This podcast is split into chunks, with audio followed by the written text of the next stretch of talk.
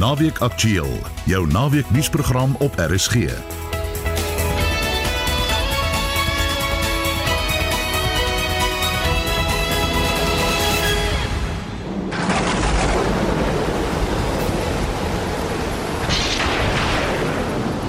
die program gure weer bly KwaZulu-Natal se voorland.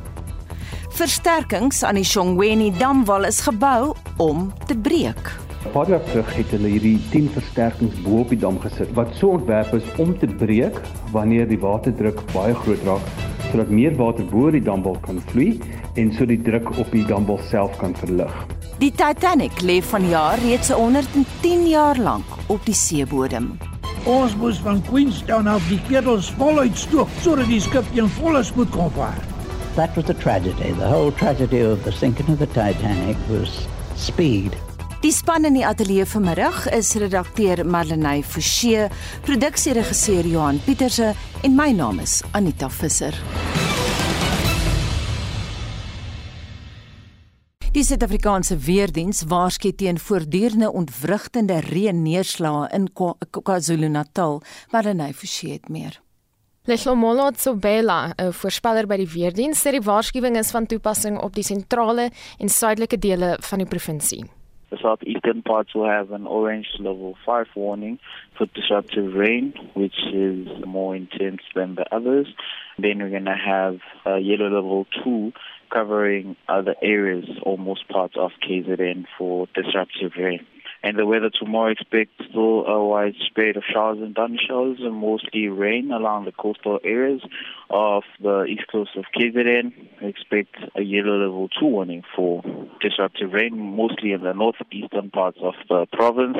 Wydverspreide reën word ook vir die Oos-Kaap voorspel, ook daar 'n waarskuwing of twee. Today we have level 2 for disruptive rain mainly in the extreme eastern parts of the Eastern Cape province.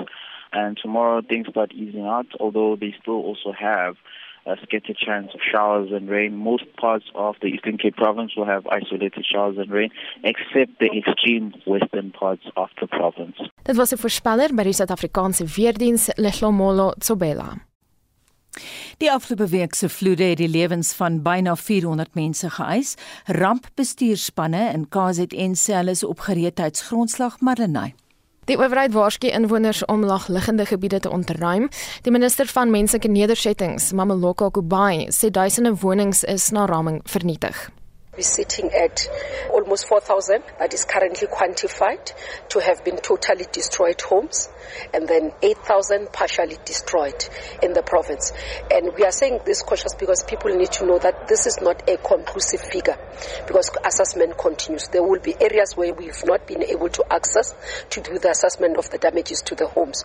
Tydens 'n media-konferensie het sy verduidelik hoe haar departement betrokke gaan raak. From Tuesday, the temporary houses will be starting to move on site to be able to provide relief for those who are in the halls and those that we have. We'll engage with eThekwini specifically, municipality, because we will need land to be able to put the temporary houses because some of the areas where the houses have been collapsed will not be able to put the temporary shelters. Some of the work that we are doing is immediate interventions and as we go on where we find glitches we'll announce and also report back to the communities and South Africans at large. Johannes Horn, 'n inwoner van Durban, het intussen sy ervaring met Naweek Aktueel gedeel. Hulle is veral bekommerd oor 'n tekort aan gas. Die oomblik is daar geen gas bottling plant of wat in Durban oop nie. Ehm um, Sepref is onder water en Efrax het probleme. So hulle moet nou al hulle gasbottels opry van Durban af en Pangeni toe na Wisdom Gas toe daarso om daar vol te maak en dan weer die goed terug te bring Durban toe want op die oomblik is dit jou kom ons sê lae inkomste groepe wat meeste maar met gas werk en daar is net geen gas in Durban beskikbaar op die oomblik nie. So hulle is maar hard besig. Hulle hardloop teen 'n bietjie van 'n verlies, maar jy weet wat hulle moet maar doen wat hulle moet doen. Dit was Johannes Horn, 'n inwoner van Durban. Die storie word maandag opgevolg in Monitor en baie volstasies het nou boonop 'n tekort aan brandstof. Daar word plek plek beperkings geplaas op die hoeveelheid brandstof per voertuig. Die oorstromings in KZN was die afgelope week die hoofplaaslike nuus. Wat sommige Suid-Afrikaners egter vergeet het, is dat die stormreën 'n patroon is wat ook in September 1987 amok gemaak het in KwaZulu-Natal. Naweek Aktueel het met behulp van die SAIK se klankargief die volgende verslag saamgestel. In die klankargief is die bewyse wel daar. Verskeie oud kollegas van die SAIK se Engelse diens het vanuit baie dele van KZN verslag gedoen oor die verwoesting wat 900 mm se reën in net 4 dae veroorsaak het. Meer as 300 mense is dood in die sogenaamde Durban-vloede van 1987. Die vloedwaters was toe egter nie net beperk tot Durban nie. Ellen Kitson het op 29 September so berig vanuit KZN se hoofstad. Just one of the people killed in the floods sweeping through large areas of Natal was a woman buried in the rubble of her own house in Verulam, north of Durban, minutes before rescue workers reached her last night. The official death toll is well above 30, and reports of further disasters from floods and mudslides are still coming in. The floods have now caused more damage than those which followed Cyclone De Moina, and an emergency situation exists in many parts of the province. Durban is facing a serious water crisis as the four giant aqueducts feeding the city's main water purification dams from the Nagel Dam have been washed away. The Umgani Water Board says extremely harsh water restrictions will have to be imposed in the Greater Durban area. The assistance of the Defence Force is to be called in to try and speed up the repair work. However, as it is still raining, it's not known how soon the broken pipes will be repaired. En die skade was nie net beperk tot gebreekte pypleidings nie. Ingetuimelde brûe het gesorg vir langtermynherstelwerk vir ingenieurs van dwars oor Suid-Afrika. Transportation has been disrupted with even the main highways cut in many places.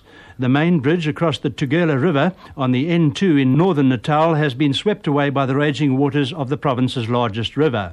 It is feared that several cars were on the bridge when it collapsed. The bridge crossing the Amatikulu River south of Gingandlovu has also been washed away, which means that only short sections of the N2 between Durban and Empangeni are still open to traffic. Yesterday, two traffic officers who were swept out to sea shortly before the bridge crossing the Umhloti River was swept away. On the south coast, bridges on the old coastal road have been washed away at Scottborough and at Ilovo.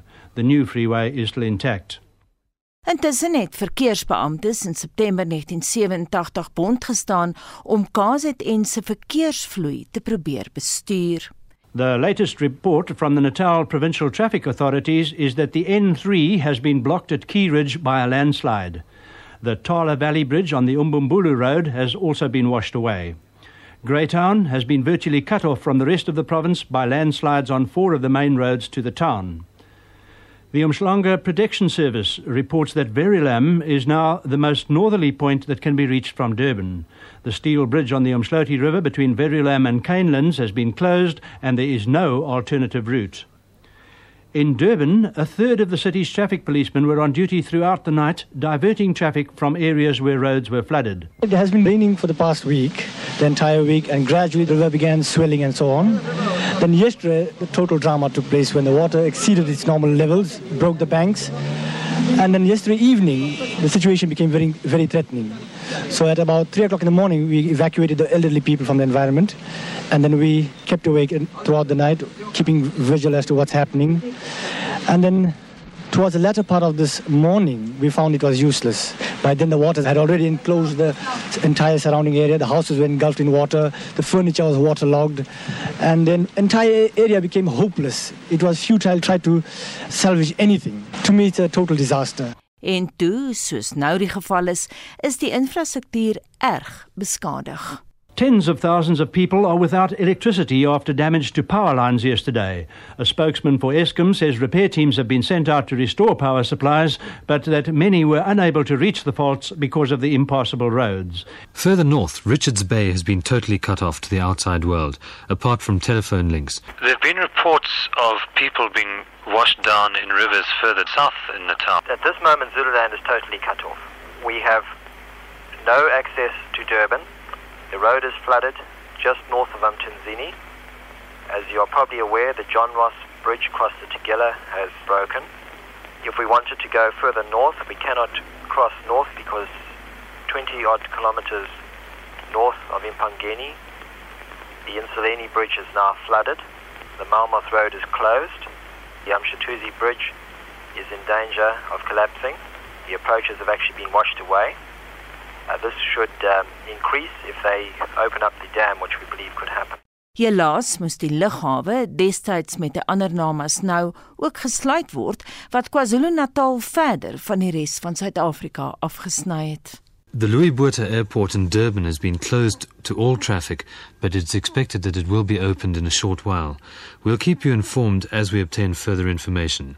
Steve Britton reporting for Radio Today. En dit dan 'n samevatting van klank uit die SAIK se argief en dit strek terug na September 1987 toe. Vir diegene wat vergeet het, in daardie jaar het 900 mm reën in net 4 dae gesorg vir die dood van meer as 300 mense. En die klank het ek opgespoor met die hulp van Karen de Tooi, Maiki Gweli en Anakona Guwe.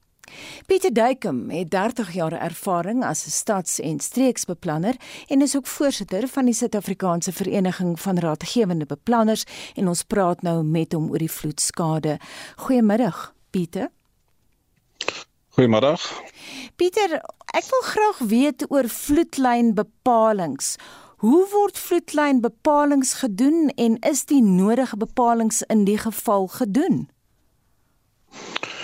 Anita, ja, ek, ek vermoed dit is gedoen, maar net om te verduidelik, dit is gewoonlik die werk van 'n siviele ingenieur wat 'n uh, bepaling doen oor 'n toekomstige moontlike vloed wat binne 'n 100 jaar siklus kan plaasvind.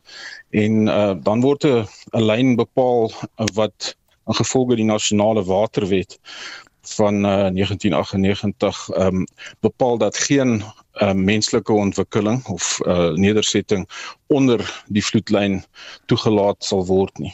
Ehm um, en dit is dan die riglyn wat gebruik word deur munisipaliteite om te bepaal waar stedelike ontwikkeling mag plaasvind en waar nie. Nou waar het foute ingesluip die keer? Ek dink nie is dit nog foute wat ingesluip het nie, maar ehm um, die bepalinge is gedoen o gebaseer op historiese data en ehm um, as weerpatrone verander en ehm uh, vloede wat nog nie voorheen uh, plaasgevind het nie. Um, nou te bede kom um, dan sal die berekenings natuurlik aangepas moet word. So dis dis die een aspek.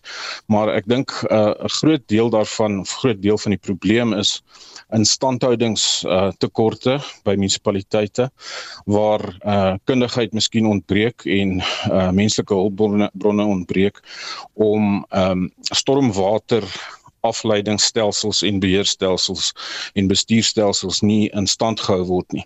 En dit veroorsaak dan dat gekonsentreerde vloedwaters op plekke uh, plaasvind waar dit nie veronderstel is om te wees nie en dit uh, lei dan na skade, brûe wat intuimel, ehm um, weet modderstortings ensovoorts.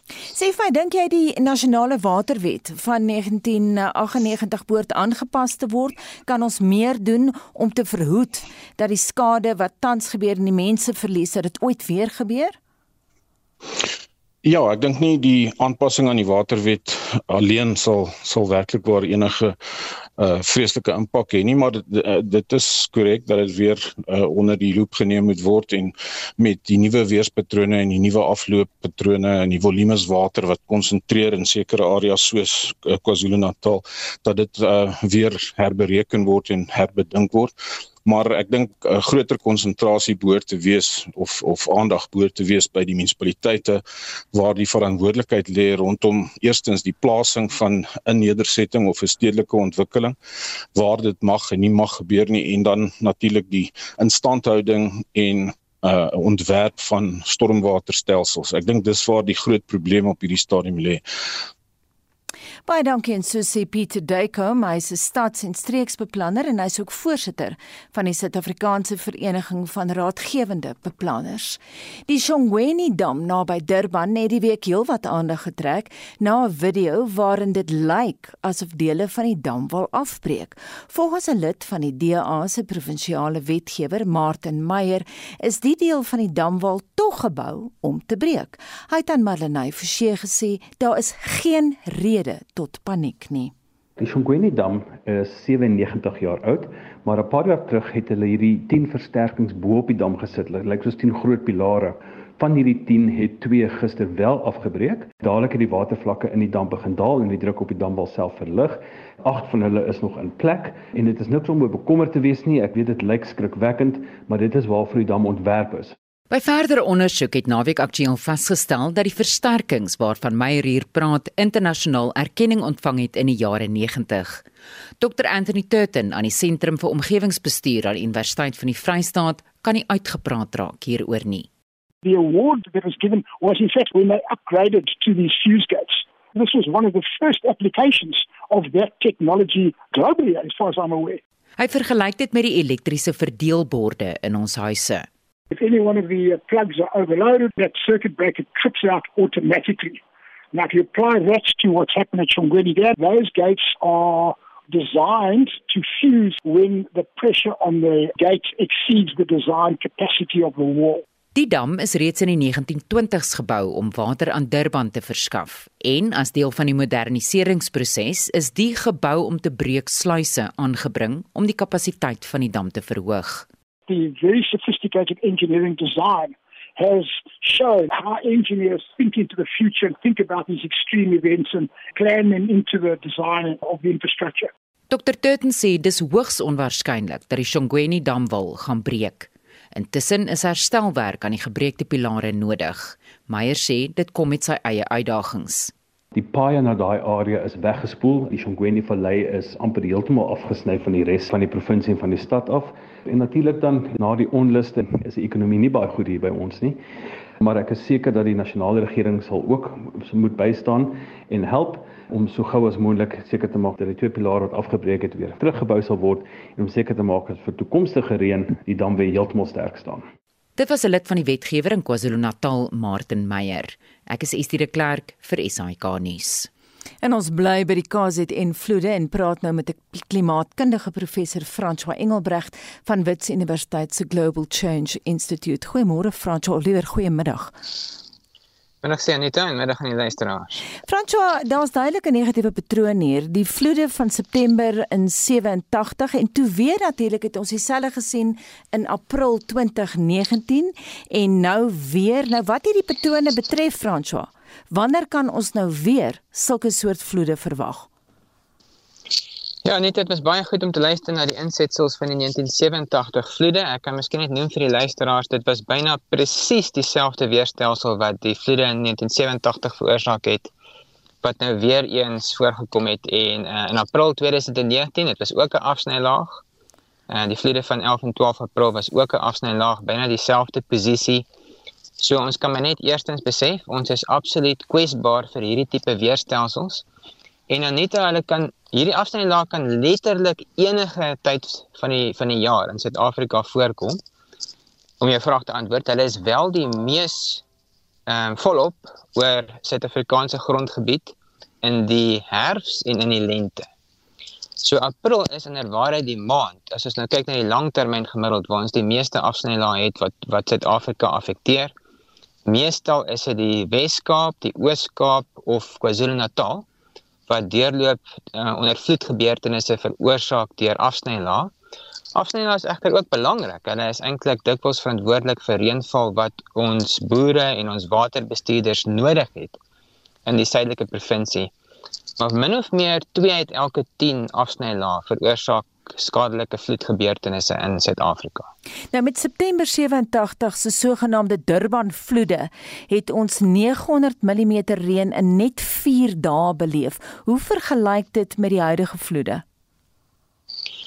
September 1970, 1987 bly die enkele ergste weersgebeurtenis wat Suid-Afrika in sy historiese rekord beleef het as dit kom by die hoeveelheid reën 900 mm in 4 dae.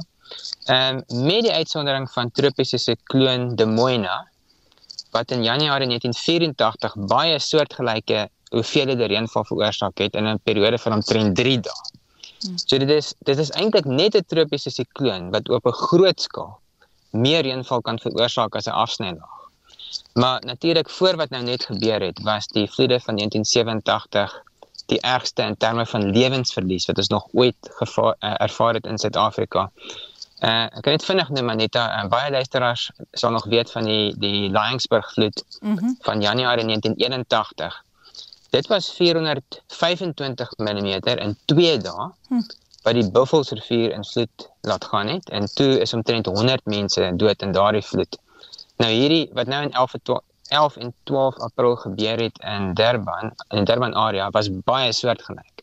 Dit was ook min of meer 450 mm oor 2 dae oor 'n redelike groot area uh, wat wat wat geval het.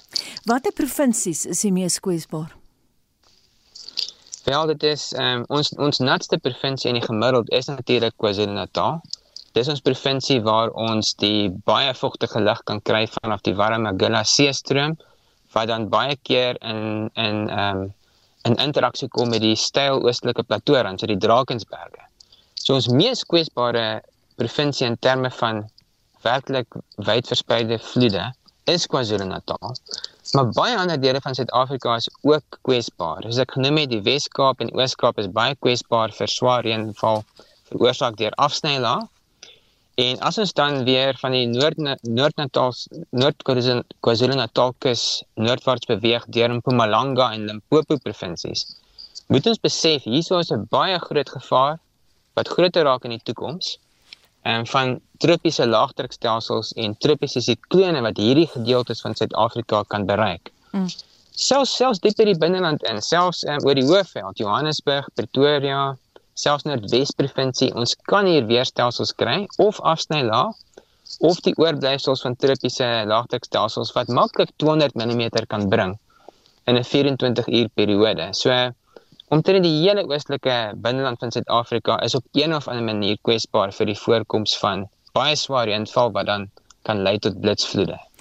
Fransonet laasens en op 'n praktiese noot, wat of hoe moet ons begin dink in terme van die ontruiming van mense met hierdie soort vloede?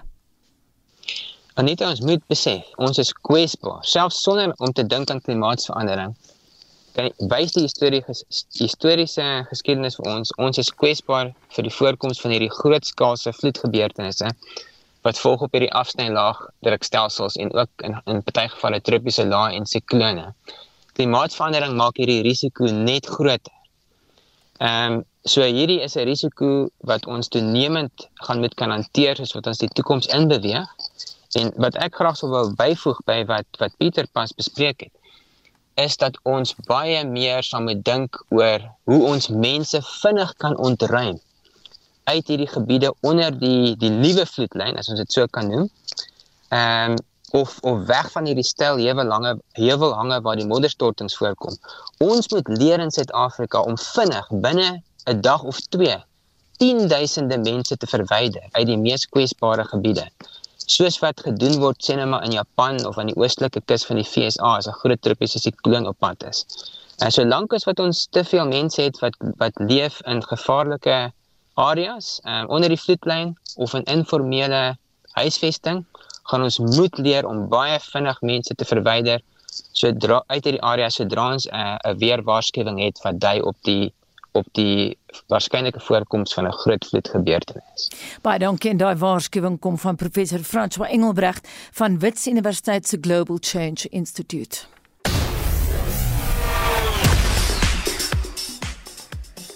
Die naderende winter plaas egter nie 'n demper op sportgebeure nie en Christo Gawie sluit by ons aan met die jongste. Goeiemôre. Middag Anita, lekker om te gesels. Selfde hierso. Christo Zimbabwe se atlete het nou vanoggend koning gekraai by die twee oseane halfmaraton in die moederstad met Moses Tarakinyo wat eers die eindstreep gehaal het. Ja, absoluut. Uh, Tarakinyo het die wedloop gewen. By die 15 km merk was die verdedigende kampioen van George Elroy geland heel voor met 'n tyd van 46.49. Tarakinho het deurgaans by die voorlopers aangehou en Elroy geland in die tweede plek geklop. Sy wentyd van uh, 6 liewer 63.31. Desmond Mokobu het in die derde plek gekom met 63.34 nadat hy teen geland verloor het in die laaste 20 meter. Reg aan die einde was daar net 4 vier atlete oor in die laaste kilometer en die weddenskap was op geland gewees om die naloop te wen gegee sy baanervaring. Die halfmaraton vroue wedloop was letterlik 'n geen kompetisie baie vroeg met Fortunate Tsitsivo wat vir die grootste deel van die wedloop alleen gehardloop het met haar tyd van 74.49 was sy 'n goeie 25 sekondes voor die tweede geplaaste Tamiru Galeya van Ethiopië. Laura Labeskagni was die eerste Suid-Afrikaner tuis in die vierde plek met 'n tyd van 65.49. Tsitsivo se plesier het geen perke gehad toe sy die eindstreep bereik en in die lug slaan ter viering van 'n oorwinning wat sy lank nagejaag het nie. Die ultramaraton vind môre plaas. En dan die Keniaanse naloper Ferdinand Omanyala het die tweemalige Olimpiese finalis Akani Simbine ook in die moederstad in die stof laat byt, né? Nee? Ja, natuurlik. Omanyala het Woensdag aan Suid-Afrika se tweemalige Olimpiese finalis Akani Simbine in die 100 meter eindstryd in Germiston verslaan. In die hoogtepunt van die 4de Grand Prix byeenkoms van die seisoen het die Afrika rekordhouer 9.98 sekondes aangeteken om Simbine se 10.11 redelik gemaklik te klop. Die 17-jarige naloopsensasie Viwe Jinki het die 200 meter vroue wedloop met 'n tyd van 23.10 gewen. Karina Hon het haar tweede 100 meter wedloop van die Grand Prix reeks gewen toe sy klaar maak in 'n tyd van 11.43 sekondes. Christian laasens die Blitsbokke is die naweek in Vancouver in aksie. Uh, Anita, 'n vlug van 14 ure tussen twee vaste lande beteken gewoonlik 'n goeie ete, 'n goeie fliek en goeie slaap vir gereelde internasionale reisigers, maar hierdie keer het die Springbok 7 span nie die gewone dinge gedoen toe hulle Singapore of van Singapore na Vancouver gereis het nie. Die Blitsbokke weet dat hulle ondersteuners teleurgesteld is en hulle voel ook self so. Hulle is reeds vanaand in groep C teen Spanje en Kanada onderskeidelik in aksie. Môreoggend om 04:30 teen die voordag Suid-Afrikaanse tyd kom die Blitsbokke teen Australië te staan. In Super Rugby gister het die Reds die Rebels geklop met 36-32. Die Blues het die Crusaders met 27-23 gewen. In Currie Beeker het die Cheetahs teruggeveg van 'n rustyd agterstand van 16-7 om 3 tweede helfte 3 te druk wat hulle opwindende oorwinning van 28-21 oor die WP besorg het in 'n polsende vermaaklikheidskragmeting in Kaapstad gister op Goeie Vrydag. Die Cheetahs het verdien om te wen want hulle voorspelers het in die tweede helfte beheer geneem en die besoekers het gesorg dat hulle die tweede 40 minute op presies die regte dele van die veld speel. Baie dankie dit was Christo Gawie met die jongste sportnuus. En ons keer nou terug na die twee oseane halfmaraton. Die Paralimpiese medaljewenner Luzan Kutse het nog 'n titel op die kerfstok. Sy was ver oggend die eerste siggestremde pas aangeheer by die byeenkoms. Haar gids Klaus Kemp het dit vroeër die week as 'n waterskeidingsoomblik beskryf. Dit wys die inklusiwiteit van die hardloopgemeenskap. Dit wys ook daar is geleenthede vir mense om betrokke te raak en watter kapasiteit ook. Nou ja, Luzan sluit nou by ons aan nadat sy ver oggend saam met hom gehardloop het. Uh, baie geluk en baie dankie dat jy nog tyd het om met ons te gesels, Luzan. Haai Anita, ag baie dankie. Dis 'n groot voorreg om met julle te kan gesels. Ek waardeer. En jy klink nie eers uit asem nie. Dis die eerste keer dat jy nou so iets aanpak. Hoe was die ervaring vir jou, Luzan? Ek moet sê dit was anders as wat ek gedink het. Ek was ek was bietjie meer gespanne of natuurlik nou nie so gespanne soos vir mense eie wedloop noodwendig nie, maar ek was gespanne want 'n mens as jy aantree, voel jy tog bietjie die druk. Ehm um, jy weet jy, jy moet ander mense help om 'n spesifieke doel te bereik en dit dit sit tog druk op 'n mens want jy ehm um, jy voel jy wil glad nie daai mense teleurstel nie. So daar daar was maar 'n bietjie senuwees, maar gelukkig was dit goeie senuwees en ons het suksesvol die die 21 afgelê in 'n uur 58 57. Ja, mense hou van brawe stories. Wat was die reaksie toe mense nou sien jy en Klaus neem saam deel? Ehm um, in my spesifieke bus was dit ons het regtig 'n baie ontvanklike bus gehad en die mense het dit geniet. Ehm um, ons het 'n goeie gees gehad en en mense was net regtig ehm um, hulle het vir my geluister en dit was regtig net dit was 'n baie lekker ervaring. Jy praat van baie lekker, maar dit is ook vroeër die week beskryf as 'n waterskeidingsoomlik wat inklusiwiteit betref by die twee oseane maraton.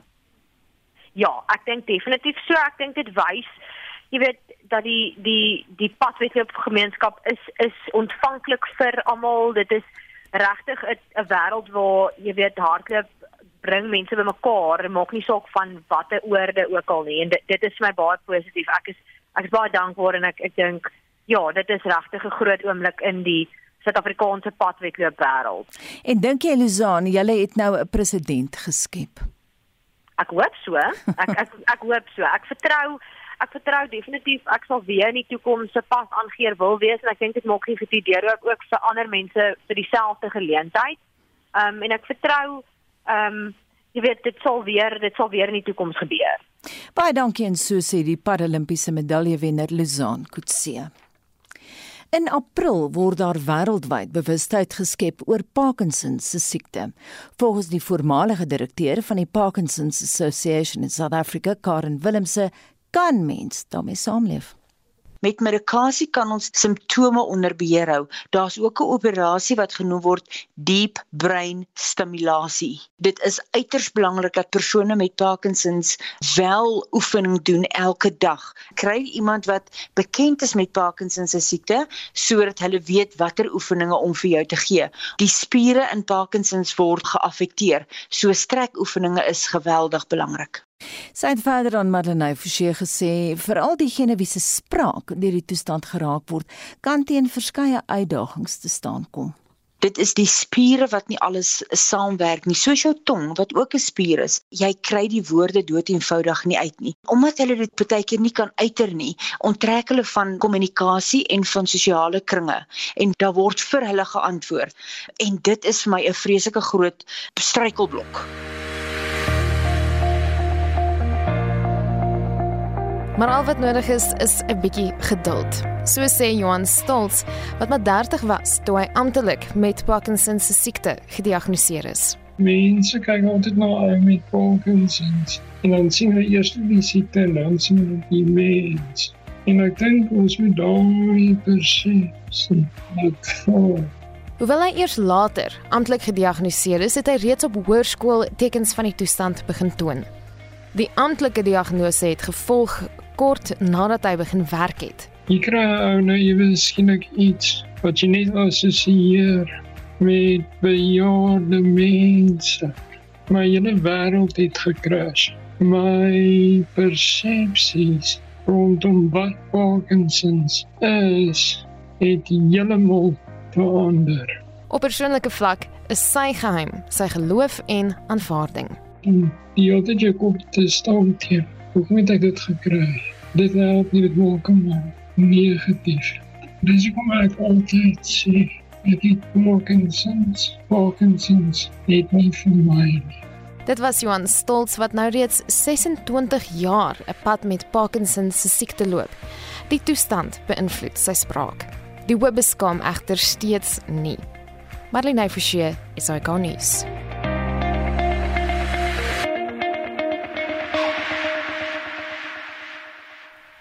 En indien jy vra het oor Parkinson se siekte, kan jy Karen Willems se bel. Ons gaan daai nommer nou gee. Dis 084 650 6500. Ek herhaal hom. 084 650 6500. Jy luister na Naweek Aktueel elke Saterdagmiddag tussen 12 en 1. Goeiemiddag, baie welkom. My naam is Anita Visser en nou internasionale nuus. Die Suid-Afrikaanse Nasionale Weermag loop deur onder kritiek na 'n media-konferensie oor sy ontplooiing as deel van die SADC-mag in Mosambiek. Kenners meen die weermag speel nie oop kaarte oor die soort ondersteuning wat beskikbaar is nie en dit stel soldate se lewens in gevaar. 'n Afgetrede adjunkhoof van die weermag se leer, Lawrence Smith, sê geld is die grootste probleem, maak nie saak watter operasie ter sprake is nie. Ons bydrae op hierdie stadium tot daai operasie binne die SAWG was net onder 'n biljoen rand gewees. En dit was nou vir hierdie eerste termyn en hulle het nou besluit om die operasie te verleng, maar in 'n ander formaat. En uh, dit gaan ons heel waarskynlik nou bietjie meer geld kos. Maar daar is daarom uh, lig in die tonnel want die Afrika Unie se bystand mag sien nou dat hierdie deel is van hulle en daar's geld uh, beskikbaar gestel vanaf die Afrika Unie. Wel, is nie veel nie. Dit is maar hier in die omgewing van 2 miljoen euro. Maar daar's daarom nog 'n ander bystand mag fonds van so 230 miljoen uh, FSA dollar wat ook uh, beskikbaar gemaak kan word in noodgevalle seker. So dit is die situasie. Nou die probleem is dat ons moet geld kry om hierdie operasie te befonds en dit is duidelik dat die SAWG dit nie alleenig kan doen nie. So daar moet ingryping kom vanaf die Afrika Unie om te help uh, befonds in hierdie operasie. Stel ons ons soldate in gevaar as ons voortgaan soos ons nou voortgaan. Nee, dit beteken net hulle gaan minder effektief wees. Die troepe wat nou opgestuur word, is almal troepe wat 'n klomp ervaring het want die werk wat hulle nou gaan doen is nie veel anders as die werk wat ons die afgelope uh, 18 jaar alreeds in uh, middel van Afrika doen nie. Die omstandighede is miskien hier en daar 'n bietjie anderster, maar uh, in essensie is ons troepe gewoond aan hierdie tipe van mandaat. Weet wat beteken dat hulle moet beklei. En uh, ons troepe doen dit reg nie sleg nie. Die situasie in Cabo Delgado is dit iets waarvoor ons troepe opgelei is. Ja, Dit is basies 'n teeninsurgensie operasie. Dis deel van ons uh, opleiding, kurrikulum vir vir al die infanterie-eenhede sowel as die ondersteunende eenhede. So dis nie iets vreemd nie, dis deel van die opleidings, die spektrum van opleiding wat gedoen word. So die groot vraag is nou eintlik is die kritiek wat daar gegee word geregverdig?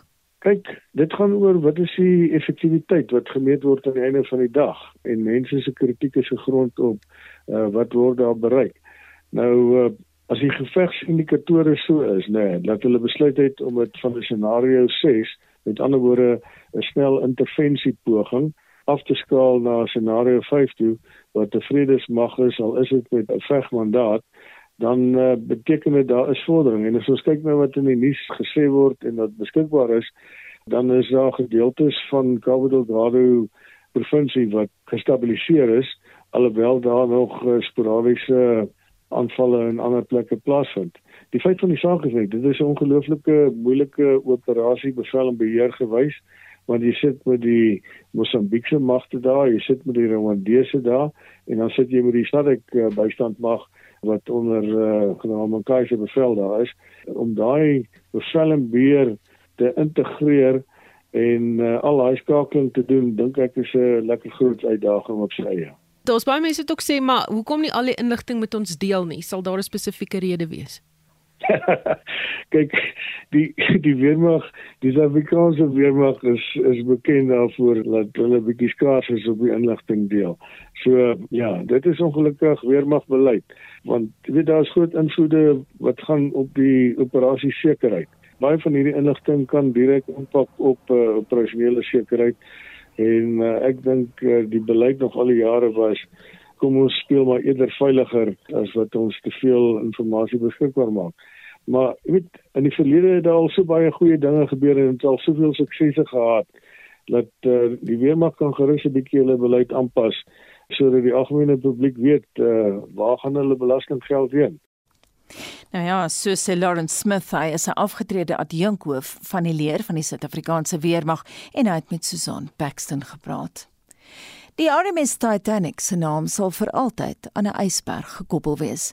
Vir baie mense versinnebeeld die skip egter ook menslike arrogansie.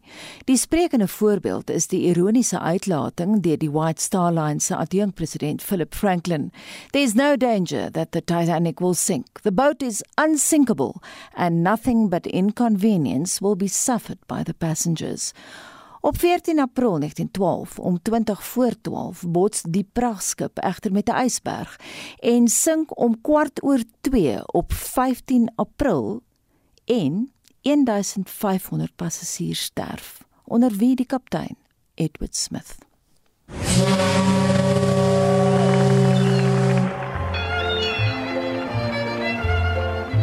Die Titanic was die White Star Line se spreekwoordelike vlaggenskap.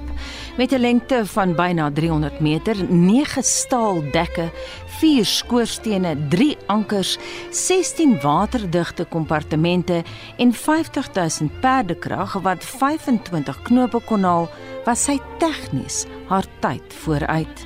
Boonop het die hoofargitek van die Haaland and Wolff skeepswerf in Belfast, Thomas Andrews, geen luukse agterweë gelaat nie. 'n 2 meter diep swembad, gimnasium, muurbalbaan, masseursalon, restaurante, 'n biblioteek en selfs 'n Turkse bad sou die meer as 2000 passasiers besig hou op die Titanic se nooiensvaart van Southampton na New York. Meer as 900 bemanningslede het bond gestaan om die baie miljonêers aan boord verder te bederf.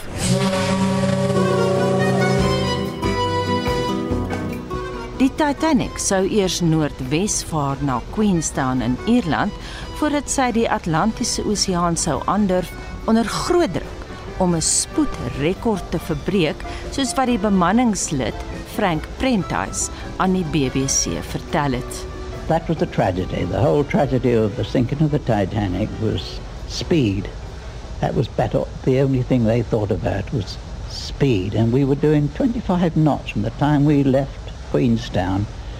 The morning of the 14th, we knew there was ice. There was ice all over the place. Do you think that they took the wrong route then, perhaps? We did. We should have been about 300 miles away from the ice. But we were out to break a record. And if ever a ship was thrown away, the Titanic was thrown away. In sy 2012 RC hoorbeeld oor die Titanic fokus Anton Smit ook op die spoedfaktor wat die noodlot sou uitdaag. Hulle wou 'n wêreldspoedrekord opstel en die reis so gou doenlik agter die rug kry. Stoker John Thompson was toe die skip Queenstown verlaat het in die ruim aan die weg. Ons moes van Queenstown af die ketels voluit stoop sodat die skip teen volle spoed kon vaar. Die engines het nooit onder 74 revolusies geloop nie. En daai sondag nog tot 70 revolusies. En het die steenkool gewreek. Daar was ander gebreke. Slegs 4 seilopblaasbootjies en 16 reddingsbote in plaas van die vereiste 64. En dan was daar die valse verklaring deur kaptein Edward Smith oor 'n smeulende brand wat in die Queenstown hawe in Ierland reeds in die Titanic se steenkoolruim uitgebreek het. Slegs 4 dae na haar vertrek uit Southampton gebeur die ondenkbare. I happened to be in my cabin and I just finished a cargo manifest. There was no great impact, just a sort of a glide and dead stop. When I looked out the porthole, the stars were shining, there was no moon, the sea was dead calm. Two of us walked out from the cabin, and I went up onto the uh, boat deck to see if I could see what had happened. And in the well forward of the bridge, there was ice. The iceberg had passed us then. The berg was between 50 feet and 100 feet high, and of course we glided over it. And we'd ripped ourselves from forward on the starboard side right off to the engine room. Although we had a double bottom, it went through the whole lot. Binne net 10 sekondes het die Titanic 'n 100 meter lange skeur. There was Bruce Ismay, Captain Smith, and Andrews, the designer. And I heard Bruce Ismay say, any news? And Andrews said, well, sir, she's going to sink. There were people then rushing around and um, we were getting the lifeboats filled up and getting them away. And when you come to think of it, there are only 16 of them to fill up. And when they'd all gone, well, they left nearly 1,500 on the ship just waiting to die. Maar morse kode en fakkelsyne kon nie die RMS Titanic red nie. And we just collected all the tins of biscuits and all sorts of things, and um, we couldn't get near the boats with people. They were starting to fight then getting to get into the boats. There was a bit of a shambles then. What was the weather like? Was it very cold? Weather was wonderful. It was cold. Well, we knew that you can imagine it. It was absolutely freezing. Ice everywhere. Ice closed. We were absolutely bang in the middle of everything. I put my life belt on and uh, I went round the boat deck. And the, the boats, by that time, we had got them all away. We had uh, 700 steerage passengers and they swarmed up onto the boat for had nothing else to do, I suppose. They they swarmed. They, the boat deck was alive and just you couldn't hardly move. Nadat hy beskuitjies uitgedeel het, word dit tyd vir bemanningslid Frank Prentice om self van die sinkende Titanic te spring. When I hit the water, we hit it with a terrific bang, knocked all the wind out of me. I was very lucky that I didn't hit anything in the water because the wreckage was all round the stern and there were nearly 100 people all round the stern too.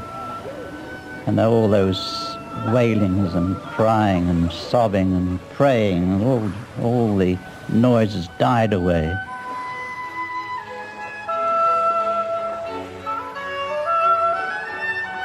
Eventually I saw a lifeboat and they picked me up. There was a fireman dead in the bottom of the boat. The boat had about a foot of water in. When were you picked up afterwards? At first light, the Carpathia, Captain Rostron came along bless his heart, and he took us back to New York, and I came home on the Lapland. 1500 passasiers sterf in die ysige Noord-Atlantiese See en die RMS Titanic wat 225 miljoen rand gekos het en wat voorgehou is as onsinkbaar sak die swart waters in. Slegs 713 passasiers word gered. Die voorsitter van die White Star Line maatskappy, Bruce Esmay, en kaptein Edward Smith sterf ook.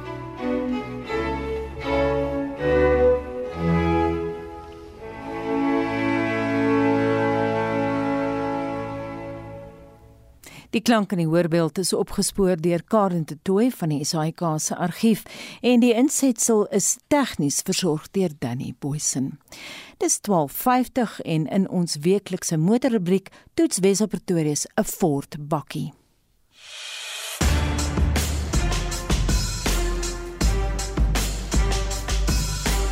‘n Splinternuwe Ford Ranger bakkie is in aantog. Maar dis eintlik verbasend hoe goed die huidige reeks sy jare dra. Die plaaslik vervaardigde bakkie het reeds 11 jaar gelede sy opwagting gemaak maar gereelde vernuwings en verskeie spesiale Ranger modelle het die reeks vars en gewild gehou. Aan die bokant van die reeks net onder die Raptor model kry jy die Stormtrack dubbelkajuit gebaseer op die Wildtrak maar met 'n paar interessante bykomstighede en 'n meer uitdagende voorkoms. Voorlangs 'n swart sierrooster met rooi insette, 'n swart buffer voor aan die onderkant, swart alloy wiele en dakreëlings, en modelspesifieke kentekens. 'n Baie handige funksie op hierdie bakkie is dat die bakdeksel met die druk van 'n knop kan oop en toe. Jy kan dit doen in die kajuit of met die sleutel of hier agter links in die bak. Jy kan die outomatiese roldeksel enige tyd met die oop en toemaak stop. En jy kry 'n bakverdeler waarmee jy self kan besluit hoe groot of klein jy jou twee dele pakplek in die Ranger Stormtrek wil maak. Ook ander praktiese bykomstighede in die bakgedeelte soos 'n 12 volt kragpunt, beskerming vir die laaibak se oppervlak en vashegpunte. Binne word die rooi Stormtrek tema voortgesit.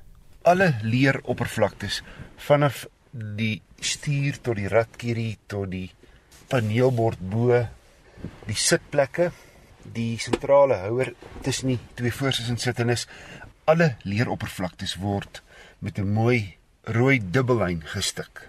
Lieks toegerus en ruim binne. Die inligting en vermaakstelsel met navigasie is duidelik en logies uitgelê. Ook talle veiligheidskenmerke soos sewe ligsakke, selfaanpasbare spoedbeheer, laanhulp, blindekol waarskuwing, parkeersensors voor en agter met 'n driebeeld, 'n funksie wat jou help parkeer en outomatiese noodremming wanneer 'n voetganger of 'n stilstaande voorwerp skielik voor jou opduik. Ook vir hitte voorste sitplekke. Die 2 liter diesel met 2 turbo aanjaars lewer 157 kW en 'n fris 500 Nm wrinkrag. Daar is altyd genoeg krag en met die 10-spoed outomaties altyd in die regte rad. En suinig, ek 8,7 liter per 100 km op die oop pad gemeet. Teen 120 in 10de rad lê die toere maar hier by 1700 stil, net 'n bietjie wind geruis van die groot syspieëls. Grondpad en hobbels word uitstekend geabsorbeer. Saam met 'n laastrek radkas beskik hy ook oor op- en afdraande beheer en die agterste ewenaar kan sluit.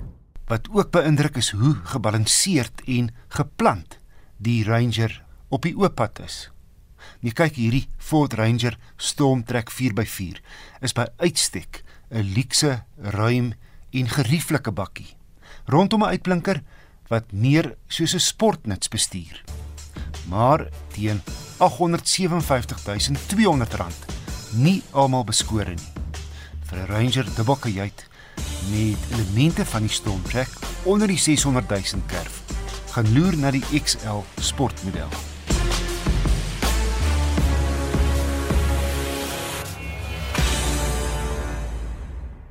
En dit was Wes op Pretoria.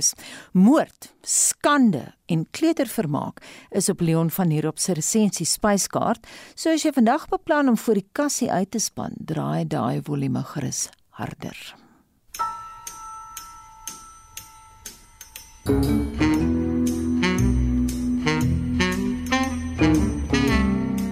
Daar is maar net een Agatha Christie. Soveel skrywers en filmmakers het haar al probeer naboots, maar almal struikel dat die nerve waai. Die wyse waarop sy sin uit 'n verwikkelde storie maak, hoe sy tredhou met al haar karakters en die leidrade wat sy rondstrooi is verbuisterend. Natuurlik ook die moordenaar se motiewe en identiteit. Jy sien eintlik die plesier van skryf van haar storie en Why Didn't They Ask Evans is 'n goeie voorbeeld daarvan. 'n Jong man wat tweedehandse motors verkoop, Will Pelter, kom in sy tuisdorp in Wallis op 'n lijk af. Iemand het van 'n kraans afgeval of is hy gestamp. Wat hier na gebeur, sal jou verbaas. Die lekkerte is om skaak met mevrou Christie te speel. Die oomblik wat jy 'n sekere karakter sien, begin jy hom of haar verdink. Maar onthou, by Christie beteken dit gewoonlik die persoon wat die minste kon gedoen het, is skuldig. Why didn't they ask Evans en ek moet waarsku episode 2 trek so 'n bietjie is 'n wip karretjie rit van uitbundige plesier. Dis nou hoe Agatha Christie moet lyk want sy tel daarom weer op in episode 3. Dis 'n Britbox of op Britbox, dit kry 8 uit 10 en die naam net weer Why didn't they ask Evans? Nog 'n reeks wat jou asem sal wegslaan. Die slag om met die storie net so ingewikkeld en verstommend soos Agatha Christie is, is Anatomy of a Scandal. Die slag begewe ons ons in die Britse parlement. 'n Bevoorregte minister se skelmpie kom op die lappe, maar dan maak die saak 'n liderlike draai. Sy vrou moet besluit, staan sy by hom of skei sy van hom? Anatomy of a Scandal is nie so eenvoudig soos dit klink nie. Die storie raak meer verwikkeld en knoop in alle rigtings en die kinkels laat die kabel later bars. Jy vraat kyk na Anatomy of a Scandal, want jy kan letterlik nie wag om te sien wat gaan gebeur nie. Die volgende episode is ook altyd net so of meer opwindend as die huidige. As ek nou vir jou 'n uithaler reeks kan aanbeveel, is dit Anatomy of a Scandal 8 uit 10 Netflix. Baie luisteraars vra waar hulle vermaak vir kleuters kan kry. Met ander woorde, skadelose animasiepret waar veral kinders heeldag kan vraat kyk. Vanaf 4 April tot die einde van die maand is daar kykie stewels, drake, pratende honde, krimpvarkies en wie weet wat nog alles op die Dreamworks kanaal op DStv. Dis kanaal 304. Skryf hom neer 304 wanneer jy nie noodwendig gaan kyk nie, maar jou kleuter of kind sal heeldag gek wees daaroor. Dan hoef jy nie meer te stres oor waarmee om hulle besig te hou nie as hulle sê, "Maar ek is verveeld." Sê jy hulle fliek toe neem by iets soos Sonic the Hedgehog, kanaal 304. Ons gesels weer volgende week.